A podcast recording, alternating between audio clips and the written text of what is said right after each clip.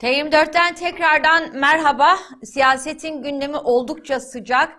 Dün akşam altılı masa yaklaşık 10 saatlik bir toplantı maratonun ardından bir metin açıkladı ve o metin aslında e, muhalefetin özellikle altılı masanın erken olası erken seçim me ilişkin kararını da yansıtıyordu.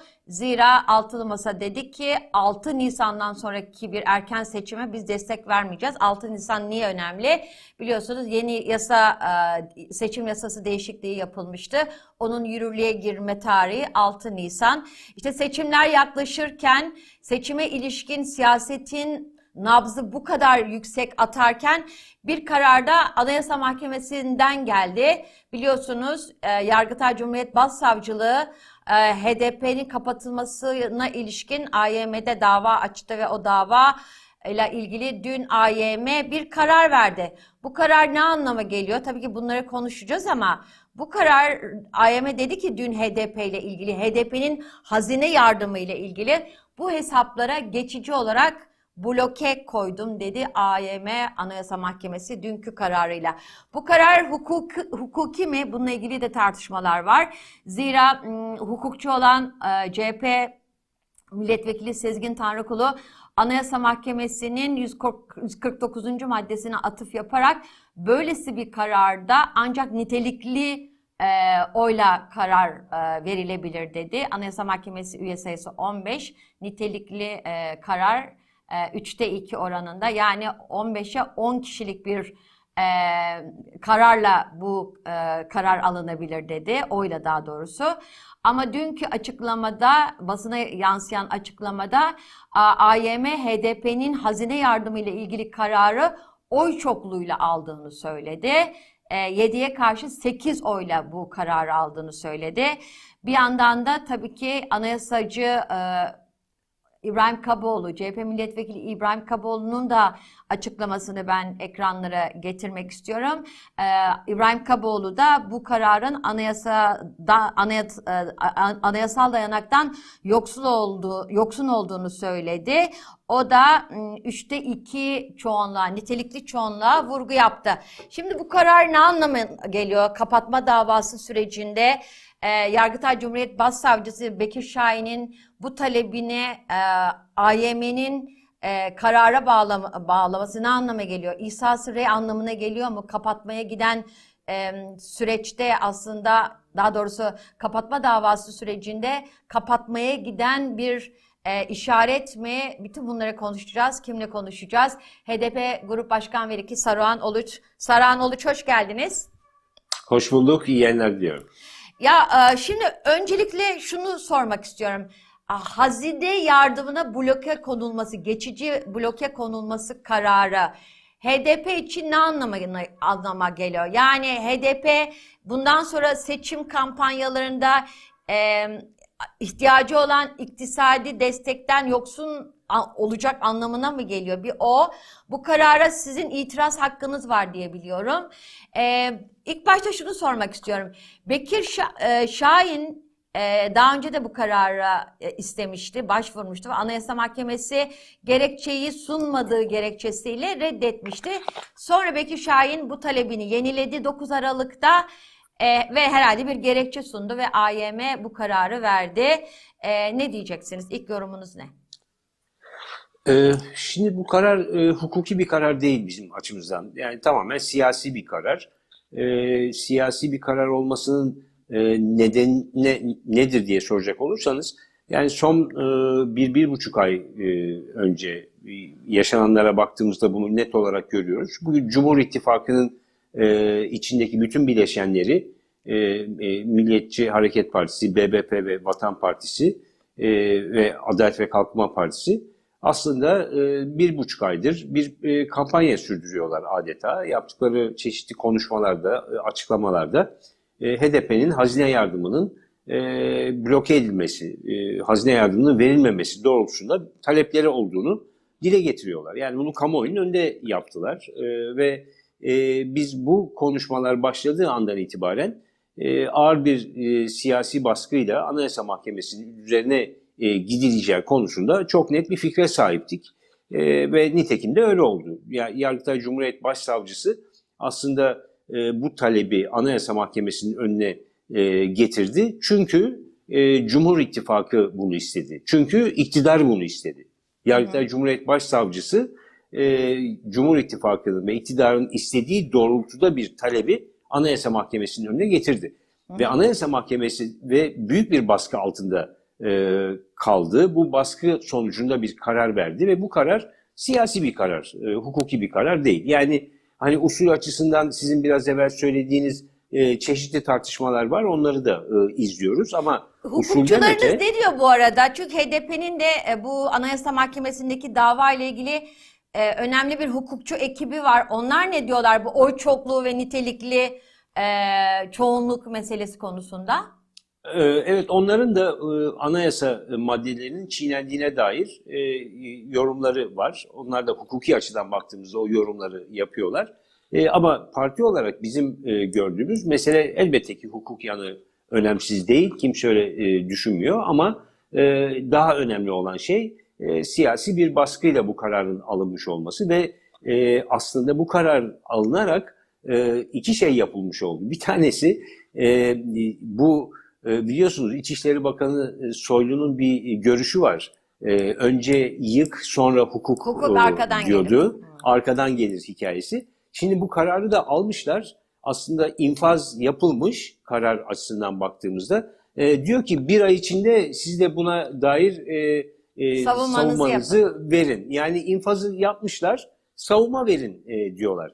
E, biz çünkü başvurmuştuk. Demişti ki Yargıtay Cumhuriyet Başsavcısının madem böyle bir talebi var, bu talebi e, bize iletin, e, yani gerekçelerini görelim, savunmamızı verelim, siz öyle karar alın demiştik. Hayır Ha. onlar ne yaptılar? E, bu dilekçeyi dinlemediler bizim yazdığımızı. Bu dilekçeyi yeni verdik çünkü biz. Dinlemediler ve ne yaptılar? Kararı aldılar. Sonra siz şimdi savunmanızı yapın diyorlar. Yani- Önemli bir şey Sarami yani 9 Aralık'ta Yargıtay Cumhuriyet Başsavcısının verdiği daha doğrusu dilekçesine siz savunma yapalım dilekçesi sundunuz. Savunma yapamadan mı bu karar verildi? Tabii tabii tabii biz dilekçe sunduk ve savunma yapmak istiyoruz dedik. Yani gerekçeli e, şeyi bize gönderin Yargıtay Cumhuriyet Başsavcısının talebini e, gerekçesini görelim. Biz de görüşlerimizi savunmamızı yapalım. Ona bağlı olarak karar verilsin dedik. Şimdi onlar e, kararı verdiler. Hadi şimdi savunmanızı yapın diyorlar. Yani e, durum bu e, birincisi. İkincisi İhsas-ı Rey aslında. Yani e, çünkü e, parti kapatma davasında e, yapılabilecek iki şey var biliyorsunuz. Bir tanesi e, partiyi kapatırsınız. Ya da E, bir tanesi hazine yardımını. hazine yardımını e, kısmen hazine ya da yardımını- tamamen kesersiniz. Evet. evet. Evet, kısmen ya da tamamen kesersiniz. Şimdi e, aslında e, karara dair olan bir şey e, adım attılar bunlar e, Anayasa Mahkemesi. Dolayısıyla e, sonuç kararına dair de e, bir e, görüş belirtmiş e, oldular. E, O yüzden yani bir ya- yargıya tabii yargıya varmış oldular. Yani İhsas Rey var burada. Daha biz e, genel e, sözlü savunmamızı da yapmamışız. E, savcı e, ayın 10'unda e, Yargıtay Cumhuriyet Başsavcısı mütalasını verecek sözlü olarak. Biz de o mütalaya dayalı olarak sözlü savunmamızı yapacağız Anayasa Mahkemesi'nin önünde. Bu yapılmadan e, bile e, bir e, karara varılmış. Çünkü Anayasa Mahkemesi'nin e, 8 üyesinin e, çok net olarak bir e, fikri var, bir kararı var. Yani İhsas zaten budur. Evet. E, savunmayı bile dinlemeden bir karar veriyor olmalarıdır. E, bu durumla karşı karşıyayız. Bütün bunları e, niye söylüyorum bu kadar detaylı? Bunların hepsi aslında bu kararın hukuki değil, siyasi bir karar olduğunu çok net olarak bize gösteriyor. Bir düğmeye basıldı e, ve bu düğmeye basan Cumhur İttifakı'dır yani iktidardır. İktidar partileri düğmeye bastılar ve e, Anayasa Mahkemesi de ağır bir baskı altına kaldı. E, bu baskıya teslim oldu, boyun eğdi bu baskıya ve bu kararı e, aldı. E, durum özetle budur. Ee, Saran Bey işte HEP'ten DP, HADEP, ardından işte BDP ve HDP bütün bu siyasi yani e, parti kapatmalarına bir tür sürekli olarak maruz kalan bir siyasi geçmişten, bir siyasi gelenekten e, söz ediyoruz. Daha önce hiç böyle bir karar olmuş muydu? Yani kapatma kararı verilmeden bir geçici bir bloke, e, hazine yardımının e, bloke edilmesi gibi bir karar olmuş muydu? Ben hatırlamıyorum. Benim bildiğim yani benim bildiğim e, sözünü ettiğiniz partiler arasında böyle bir şey e, yoktu. E, bir tek Refah Partisi ile ilgili e, bir şey var E, sanıyorum yanlış hatırlamıyorsam. Fakat orada da Refah Partisi de böyle bir tedbir kararından dört gün sonra da zaten gerçek karar çıktı. Yani savunmalar filan yapılmış durumdaydı e, bakıldığında. E, ama şimdi bizdeki bambaşka bir e, durum. Hakikaten Anayasa Mahkemesi kendine göre yeni bir içtihat yaratmış vaziyette ve biz elbette ki Anayasa Mahkemesi Türkiye'nin en üst mahkemesi sonuç olarak daha başka bir yer yok e, gidilebilecek Türkiye'de. Hani ondan sonrası uluslararası Avrupa İnsan Hakları Mahkemesi e, meselesi var. E, fakat Türkiye'deki en yüksek mahkemenin aslında hem e, Türkiye'nin iç hukukuna, anayasasına hem de e, uluslararası imzalanmış olan sözleşmeleri, e, burada Avrupa İnsan Hakları Sözleşmesi'nden ve e, tabii ki Avrupa İnsan Hakları Mahkemesi kararlarından ve iştahatlarından söz ediyorum.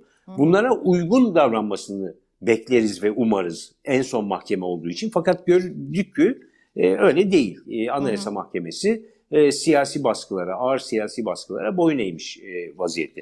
E, şimdi bir diğer sorduğunuz soru e, hani e, biz bu mali e, e, bir bloke, blokaj karşısında ne yaparız meselesi. Evet çünkü Ya- bildiğim kadarıyla 10 Ocak'ta değil mi? Yani pazartesi günü partilere verilecek hazine yardımının e, miktarları belli olacak ve siz bu paradan herhalde 180 milyon civarında bir paradan Evet. e, faydalanamayacaksınız bu geçici blokajdan dolayı. Evet. Ee, bu e, tabii ki dediğiniz e, gibi bundan faydalanamayacağız. Bu tabii bir lütuf değil aslında. Siyasi partilerin hakkı E, ve e, nereden hak ediyorlar bunu? E, ne kadar oy alıyorlarsa e, o oy oranında böyle bir hakları oluyor. Dolayısıyla bizim de hakkımız diğer siyasi partiler Ve vatandaşların gibi. vergisi. Tabii tabii bizim seçmenlerimiz vergi ödüyor. Bütün partilerin seçmenleri olduğu gibi. O dedikleri vergiden e, hazinede bir e, e, e, bir e, pay ayrılıyor ve bu pay siyasi partilere e, ödeniyor. Şimdi e, dolayısıyla bu aslında bir hak, bir lütuf değil. E, bu hakkımız gasp edildi şimdi bizim e, açıkça. Bu çok ciddi bir e, sorun. E, bir diğer nokta e, yani öyle ucu açık bir şey ki şimdi biliyorsunuz e, hazine yardımı işte 10 Ocak'ta verilecek. Hı hı. E, 180 milyona yakın bir rakam. Sonra seçim yılı olduğu için e, seçim kararı alındığı zaman da iki katı bunun e, bir e, meblağ da seçim yardımı olarak e, partilere verilecek her e, partiye. Şimdi aslında e, Anayasa Mahkemesi e, seçime bu kadar az bir zaman kalmış e, bir durumda bu kararı aldığına göre sadece bizim hazine yardımını değil aynı zamanda seçim yardımını da hedefliyor. Yani aslında doğrudan doğruya seçim sürecine müdahale ediyor Anayasa Mahkemesi ve adil, demokratik ve eşit bir seçimin olmayacağını aslında Anayasa Mahkemesi ilan etmiş oluyor bu aldığı kararla. Bu kadar vahim bir durumla karşı karşıyayız. Ee, yani mesele sadece hazine yardımı değil. Elbette ki her parti açısından hazine yardımı önemlidir. Ee, bunu kimse reddetmez. Ee, bu aynı zamanda e, partilere hani yardım yapıp da istediği kararları almasının e, sağlanmasını engellemenin de bir yoludur e, hazine yardımı. E, hani parayı veren düdüğü çalar e, esprisinden uzaklaşmasına imkan sağlar e, partiler açısından. E, peki ne olur e, bu durumda? Şimdi e, baktığımızda HDP'nin yakın tarihine, HDP 2012'de kuruldu. 10 senedir e, yapılmış olan bütün e, işte seçimlere, yerel genel seçimlere, Cumhurbaşkanlığı seçimlerine ve referandumlara katılmış bir partidir. E, 2014 ve 2015'te yapılmış olan yerel genel seçim ve Cumhurbaşkanlığı seçimlerine HDP hazine yardımı almadan katılmıştır. E, ve 2015 Haziran'da e, çok ciddi bir başarı sa- sağlamıştır. E, %13 e, oyla hatırlarsanız e, 80 milletvekili çıkarmıştır. E, o zaman hazine yardımı hakkı yoktu HDP'nin. Ancak e, 2015 Kasım'ından sonra Yani e, gitti herhalde yayın. E, Saruhan Oluç HDP Grup Başkan Vekili. Sa- e, Saruhan Bey buyurun devam edin. Bir gittiniz Aa, evet, geldiniz. e, evet e, e, ancak e, 2015 15 Kasım'dan Kasım sonra seçimlerinde bu hakkı Ben- e, elde evet. ettiğini anlatıyordunuz. Evet, evet. Orada elde etti. Ondan önceki yani 2014'te ve 2015'te yapılan seçimlerde e, hazine yardımımız yoktu bizim. Peki nasıl bu seçimleri sürdürdük ve Bir de şunu da hatırlatalım. HDP kurulmadan önce zaten siz Eee, işte emek, eşitlik, özgürlük bloku olarak giriyordunuz parti olarak Evet. değil ve aslında bir, bir tür listeler üzerinden bir yarış vardı. Orada da zaten hazine yardımı söz konusu değildi Yok, değil evet, mi? evet, evet yoktu ama HDP kurulduktan sonra da dediğim gibi 2014 ve 2015'teki seçimlere hazine yardımı olmadan e, katıldık. E, nasıl yaptık? E, halkın büyük fedakarlığıyla, inanılır gibi değil, büyük bir dayanışma ve destekle e, gerçekten insanlar e, her e, türlü katkıyı sağladılar. E, belki yediklerinden, içtiklerinden kestiler, belki e, çocuklarının rızkından kestiler e, ve e, çok ciddi bir katkı sağladılar. Büyük bir dayanışma gösterildi o zaman E, ve bu dayanışmayla e, e, partimiz e, seçimlere girdi ve iyi bir sonuç aldı hem 2014'te 2015'te. Niye bunu söylüyorum? HDP böyle hani diğer partiler gibi bir parti değil. HDP aynı zamanda bir halk hareketidir, bir mücadele örgütüdür, bir direniş partisidir, bir e, e, direniştir aslında HDP sonuç olarak. Dün Hukuk zaten için, sosyal medyaya yansıdı. için- Diyarbakır'daki vatandaşlarla sokak röportajı yapılmıştı hemen de bu kararın ardından. Ee, Evet. Mesela bazı vatandaşlar gerekirse ceketimi satarım demişti. Evet. Yani siz bir kampanyaya dönüştürecek misiniz? Onu mu anlıyorum? Elbette bunu? ki, elbette ki. Yani halk şu anda çok net olarak görüyor niye bu e, hazine yardımının bloke edildiğini çok net olarak görüyor ve e, yani biz e, elbette ki siyasi irademize sahip çıkacağız diyecektir halk. Elbette ki siyasi iradesine sahip çıkarken dayanışmasını büyük ölçüde örgütleyecektir ve dedim ya yani e, kimisi rızkından çocuklarının rızkından belki kesecektir, kimisi boğazından kesecektir, kimisi elindeki yüzüğü, bileziği verecektir. Ama sonuç olarak e, bu halk siyasi iradesine sahip çıkacaktır ve e, bu seçimlerin en başarılı şekilde e, sonuçlandırılması için HDP açısından e, her türlü katkıyı, dayanışmayı sağlayacaktır. Buna inancımız tamdır. HDP çünkü böyle bir partidir esas itibariyle. Bir halk hareketinin aslında örgütlenmiş halidir. Selahattin Demirtaş e, bu kararla ilgili zaten o da bir e, hemen sosyal medyadan bir tweet paylaştı.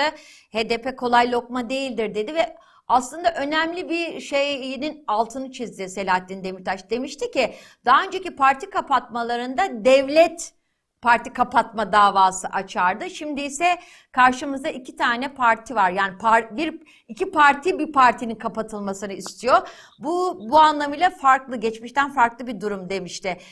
Yine ben de e, konuştum. Farklı farklı haberlere de e, konu oldu. Anayasa Mahkemesi Başkanı'nın ya da Anayasa Mahkemesi üyelerinin baskı altında olduğuna ilişkin size duyumlar geliyor mu? Bununla ilgili herhangi bir e, bilgi akıyor mu size? Bununla ilgili ne diyeceksiniz?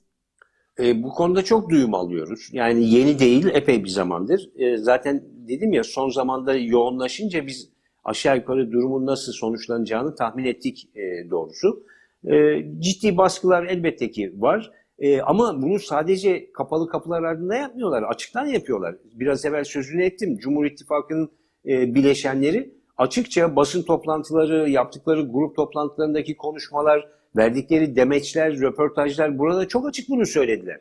Yani sürmekte olan bir davada nasıl karar çıkacağına dair aslında anayasanın e, hükmünü çiğneyerek e, ve e, Anayasa Mahkemesi'ne telkinde bulunarak ve baskı yaparak e, bir sonuç e, aldılar. Yani bunu açıktan da yaptılar. Sadece kapalı kapılar ardında değil. Herkes gördü, duydu. E, Anayasa Mahkemesi için bu bir namus borcudur dedi bir partinin lideri.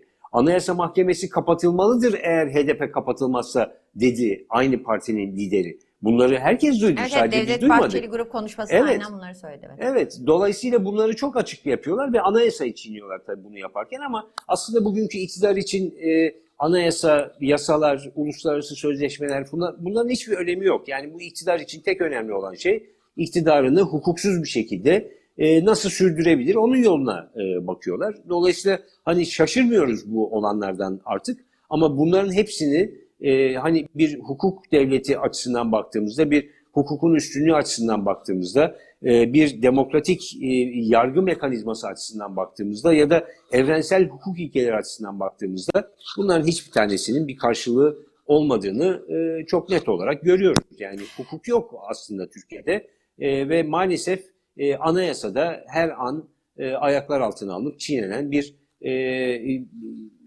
kitapçık haline gelmiş vaziyette öyle diyeyim yani. Peki ben e, yayına girmeden önce de baktım ama göremedim de. Belki ben kaçırmışımdır. O yüzden doğrudan size sorayım. Altılı masa işte muhalefetin işte bugün taşıyıcı dinamiklerinden bir tanesi olan altılı masa. Bu kararla ilgili herhangi bir tepki ben en azından göremedim. Yani size ulaşan bir tepki var mı? Bu kararı bir tür eleştiren bir tepki siz duydunuz mu? Size ulaştı mı? Buna dair herhangi bir Ee, yorumunuz var mı? Tepkiyi siz tepki ya da tepkisizliğe.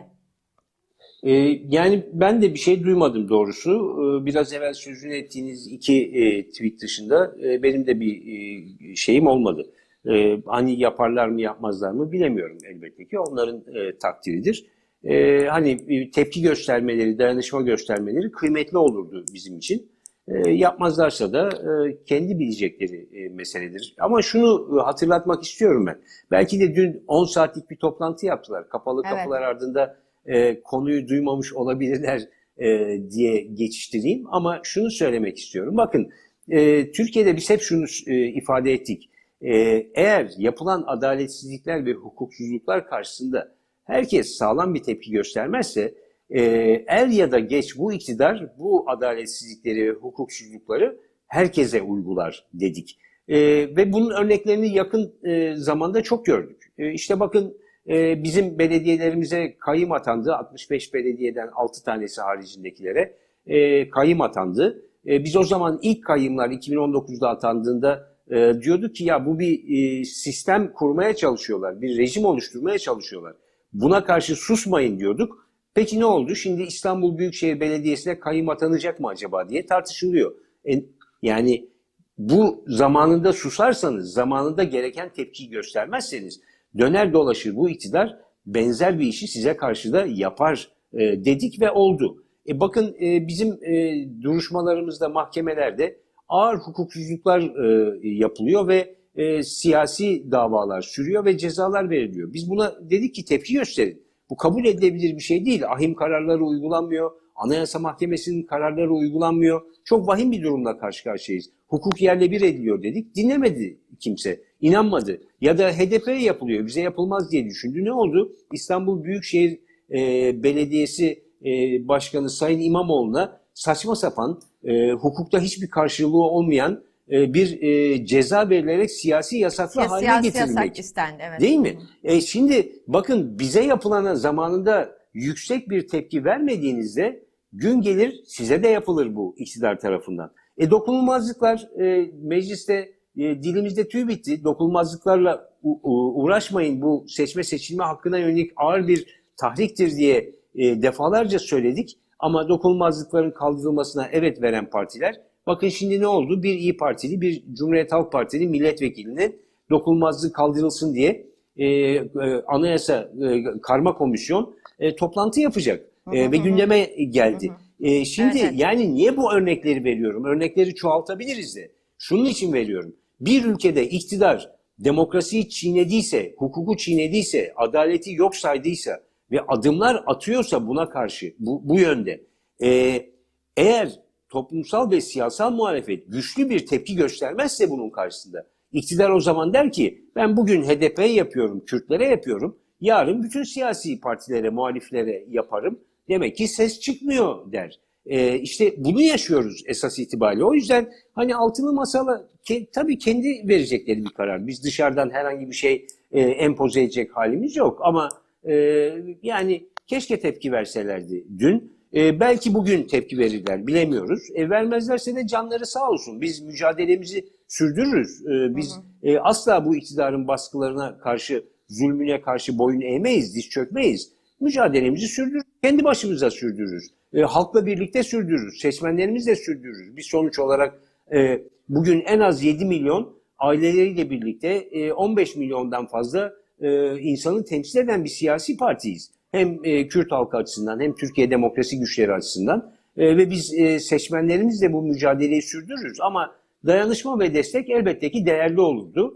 E, olmuyorsa da e, herkesin canı sağ olsun. Biz mücadelemize devam ederiz. E, Peki demekten Saruhan başka Bey, bir çaremiz yok. Şunu sormak istiyorum. Şimdi süreç nasıl iş- işleyecek? Sizin bu geçici bloke kararına karşı bir aylık bir süreniz var değil mi savunma yapmak için? Evet. Onun evet. ardından karar netleşecek. Bize anlatır mısınız ve kapatma davası ile ilgili süreç ne aşamada? Ee, seçimlere doğru nasıl bir tablo bekliyorsunuz? Bir onu sorayım öncelikle. Ee, şimdi şöyle biz bir aylık bir sürede bu e, e, hesabın blokajı ile ilgili bir e, savunma e, vereceğiz. Yani e, bunu hangi gün veririz? Hukuk komisyonumuz kararlaştıracak. O konuda bir çalışma e, yapıyorlar. E, ikincisi ayın 10'unda yani bu ayın 10'unda e, Yargıtay Cumhuriyet Başsavcısının e, sözlü e, e, Mütalası mütalası var. olacak. Evet, o mütaladan sonra o mütalanın içeriği ve e, bize e, tabii tebliğ edilecek e, ve bizim de sözlü savunma yapmamız için bir tarih verecek Anayasa Mahkemesi bize. E, o hangi tarihte olur bilmiyoruz elbette. O Anayasa Mahkemesi'nin uhdesinde. E, o tarih verildikten sonra biz sözlü savunmamızı e, yapacağız. E, ondan sonra e, raportör e, bütün bunları toplayıp bir e, rapor, Rapor hazırlayıp hazırlayacak. e, e, sunacak Anayasa Mahkemesi'ne. Anayasa Mahkemesi de e, o rapor sunulduktan sonra e, gündemine alacak e, konuyu ve e, gündemine aldığı zaman e, işte e, değerlendirecek ve bir karara varacak. E, ama dediğim gibi bu tarihler konusunda e, bizim e, söyleyebilecek şu anda fazla bir şeyimiz yok. E, ancak İnisiyatif bize Anayasa Mahkemesi'nde. Sözlü, evet Anayasa Mahkemesi'nde bize sözlü savunma tarihini verdiklerinde biraz daha e, netleşmiş e, olur e, e, genel gidişat açısından. Ama baktığımızda. genel gidişat herhalde seçimlere doğru bu dava öyle ya da böyle sonuçlanacak. Onu görüyoruz değil mi? Evet, evet. Öngördüğümüz budur. Yani dolayısıyla e, bu iktidar hep yargı vesayetinden şikayet etmiş olan bir iktidardı e, hatırlarsanız. E, ve yargı vesayetini ortadan kaldırdıklarını söyleyen bir iktidardı. Aslında şimdi bu iktidar e, seçim e, ortamına girdiğimiz bir zamanda çünkü artık seçim yani Nisan, Mayıs bilemediniz en geç Haziran'da olacak. Aslında as- artık Türkiye seçim ortamına girdi çoktan. Böyle bir zamanda yargı e, e, aracını kullanarak e, bir e, siyasi partinin e, kapatılmasını ve seçimlere girmemesini sağlamaya çalışıyor. E, bu da yargı aracılığıyla demokratik siyasete müdahale demektir. Siyasi alana müdahale demektir. Yargı aracıyla siyaset alanının dizayn edilmesi demektir esas itibariyle. Dolayısıyla hani yargı vesayetinden şikayet etmiş olan iktidar yeni bir vesayet yarattı yargı üzerinde ve e, bugün yargıyı e, muhalefetlerine karşı bir araç olarak e, kullanıyor. Peki bu E, eğer bu durumda HDP karşı karşıyayız. Hı hı. HDP Evet. kapatılırsa e, seçmenin tavrı ne olur? Sandığa gitmeye e, gönülleri el vermez mi? Küserler mi? Ya daha doğrusu küserler mi dediğim e, sorunun e, alt metni şu. Yani e, parlamenter sistem e, siyasetine küserler mi? Bir onu soracağım. İkinci olarak HDP'nin B planı ne? En kötü senaryoya karşı. E, seçmenlerimiz e, küsmez. Bunu e, bekliyor iktidar. Aslında iktidar bizim seçmenlerimizden e, oy alamayacağını e, tahmin ediyor, biliyor yaptırdığı araştırmalara göre. Ama acaba küstürebilir miyim seçmenleri? Sandığa gitmelerini engelleyebilir miyim diye düşünüyor. O takdirde e, kazanacağını düşünüyor e, iktidar. E, ama seçmenlerimiz küsmeyecek. E, tam tersi bir hava var. Biz de araştırmalar yaptırıyoruz. Ayrıca saha çalışmasında bunu görüyoruz. Tam tersine insanların büyük öfkesi var. E, büyük bir kızgınlık e, var ve büyük bir kararlılık var. E, yani en kötü ihtimalde HDP kapatılırsa ne yaparsınız sorusuna ana e, yapılan araştırmalarda, kamu Böyle bir anket var yani. Hmm. Evet bu araç biz de sordurduk. Başka e, firmalarda bunu sordular. E, ortaya çıkan sonuç e, %90'ın üzerinde bir e, sonuçta e, seçmenlerimiz diyor ki partim ne derse onu yapacağım. Yani HDP seçmenleri bir kapatılma durumunda e, nereye parti işaret ederse o konuda adım atacağına dair kararlı bir duruş gösteriyor. Bu bence çok önemli. Biz zaten bu konuda en ufak bir şüphemiz yok seçmenlerimizden ama bunu herkesin görmesinde büyük önemi olduğunu düşünüyoruz. İktidar da bunu e, görüyor. E, e, seçmenlerimiz e, siyasi iradelerine sahip çıkacaklardır. Seçmenlerimiz bu konuda e, asla e, temsilcilerini yalnız bırakmayacaklardır. E, dolayısıyla e, nedir iktidarın istediği? Aslında Kürt halkının ve Türkiye demokrasi güçlerinin e, mecliste temsilcilerin olmasını istemiyor bu iktidar. E, ama e, halkımız çok güçlü bir şekilde bir temsil sağlayacaktır bu konuda ve iktidarın bu oyununu bozacaktır. Bundan eminiz. E, yani e, biz hep söylüyoruz iktidara bize e, bu şekilde işte partiyi kapatarak demokratik siyaset alanından e, bizleri tasfiye ederek e, herkese siyasi yasak getirerek e, bu büyük tasfiye operasyonuyla e, bizi e, bize kaybettireceğinizi düşünüyorsunuz ama bunun sonucunda biz kazanacağız, siz büyük kaybedeceksiniz e, diyoruz. E, bu konudaki tutumumuzu da sürdürüyoruz. Çalışmalarımıza devam ediyoruz. Seçim çalışmalarımızı yakında e, saha çalışmasına başladık zaten. E, bir süre sonra bunun ilanını da e, yapacağız. E, ve biz en kararlı şekilde seçimlere hazırlanıyoruz. Ha, şimdi seçimlere giderken yargı eliyle bu dizaynı yapmak isteyen iktidar diyelim HDP'nin seçimlere girmesini engelledi, Engelledi, B planı. Evet o zaman e, biz şunu seçmenlerimize söyledik. E, dedik ki yani en kötü ihtimal e, nedir? HDP'nin kapatılması ve e, 451 kişiye siyasi, Siyasi yasak, yasak e, gelmesi. gelmesi. Biz en kötü ihtimale dönük olarak da hazırlıklarımızı yaptık. E, seçmenlerimizi seçeneksiz bırakmayacağız. Seçmenlerimiz mutlaka e, siyasi iradeleri doğrultusunda bir karar e, verecekler. Bu imkanı yaratacağız dedik E, ve en kötü duruma dair de birkaç planımızı hazırda e, tutuyoruz. O çalışmalarımız da devam ediyor. Peki hiç yani kapatılmama ihtimali var mı hiç HDP e, yönetiminde ya da HDP'nin e, Yani kapatılmama yani kapatılmama ihtimali şöyle ortaya çıkar. Anayasa Mahkemesi e, hem e, anayasaya e, hem e, de uluslararası sözleşmelere uygun e, davranma konusunda e, var olan siyasi baskılara boyun eğmeme konusunda bir tavır takınırsa e, çünkü bu iddianame tamamen e, e, yani siyasi bir iddianamedir. İçindeki hukuki yan e, son derece zayıftır. Hiçbir mesnedi yoktur. Zaten hatırlarsanız Nisan ayında 2021'in Yargıtay Cumhuriyet Başsavcısının sunmuş olduğu ilk iddianameyi Anayasa Onu Mahkemesi geri iade etti. Evet, iade hı. etti. Mesnetsizdir dedi. E, ikinci iddianamenin birinciden çok büyük bir farkı yoktur. E, ama e, artık büyük bir siyasi baskı o zaman başladığı için Anayasa Mahkemesi bunu kabullenmek durumunda kaldı. Yani siyasi baskılara Anayasa Mahkemesi boyun eğmezse, hukuki davranırsa o zaman e, bir kapatma sonucu çıkmayabilir. Ama o kadar ağır bir baskı var ki şu anda e, Anayasa Mahkemesi üyelerinin e, bu ağır baskılar karşısında nasıl davranacağını bilmek e, elbette zor. E, Yani şimdi bir örneğini gördük işte 8'e 7 e, bir e, e, uygun olmayan bir kararı verdiler ve ihsas reyde bulundular. Saruhan Oluç çok teşekkürler. Ee, HDP'nin bu kapatma kararına ilişkin bakışını ve tabii ki hukuki savunusunu sizden dinlemiş olduk. Ee, kolaylıklar diliyoruz size.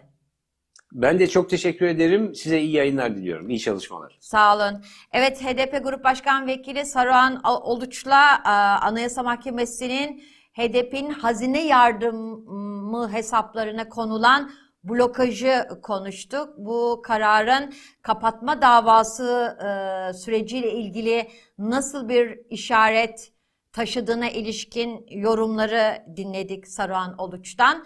Ee, bakacağız, göreceğiz. Ee, özellikle rap- e, raportörün e, hazırlayacağı rapor, yani Anayasa Mahkemesi raportörün hazırlayacağı rapor herhalde kapatmanın olup olmayacağına ilişkin e, durumu da daha da e, açık edecek, netleştirecek gibi gi- duruyor. Evet, başka bir yayında görüşmek üzere. Hoş kalın, hoşça kalın. T24'te kalın ve tabii ki YouTube kanalımıza abone olmayı unutmayın. Zira bağımsız bir gazetecilik böyle mümkün.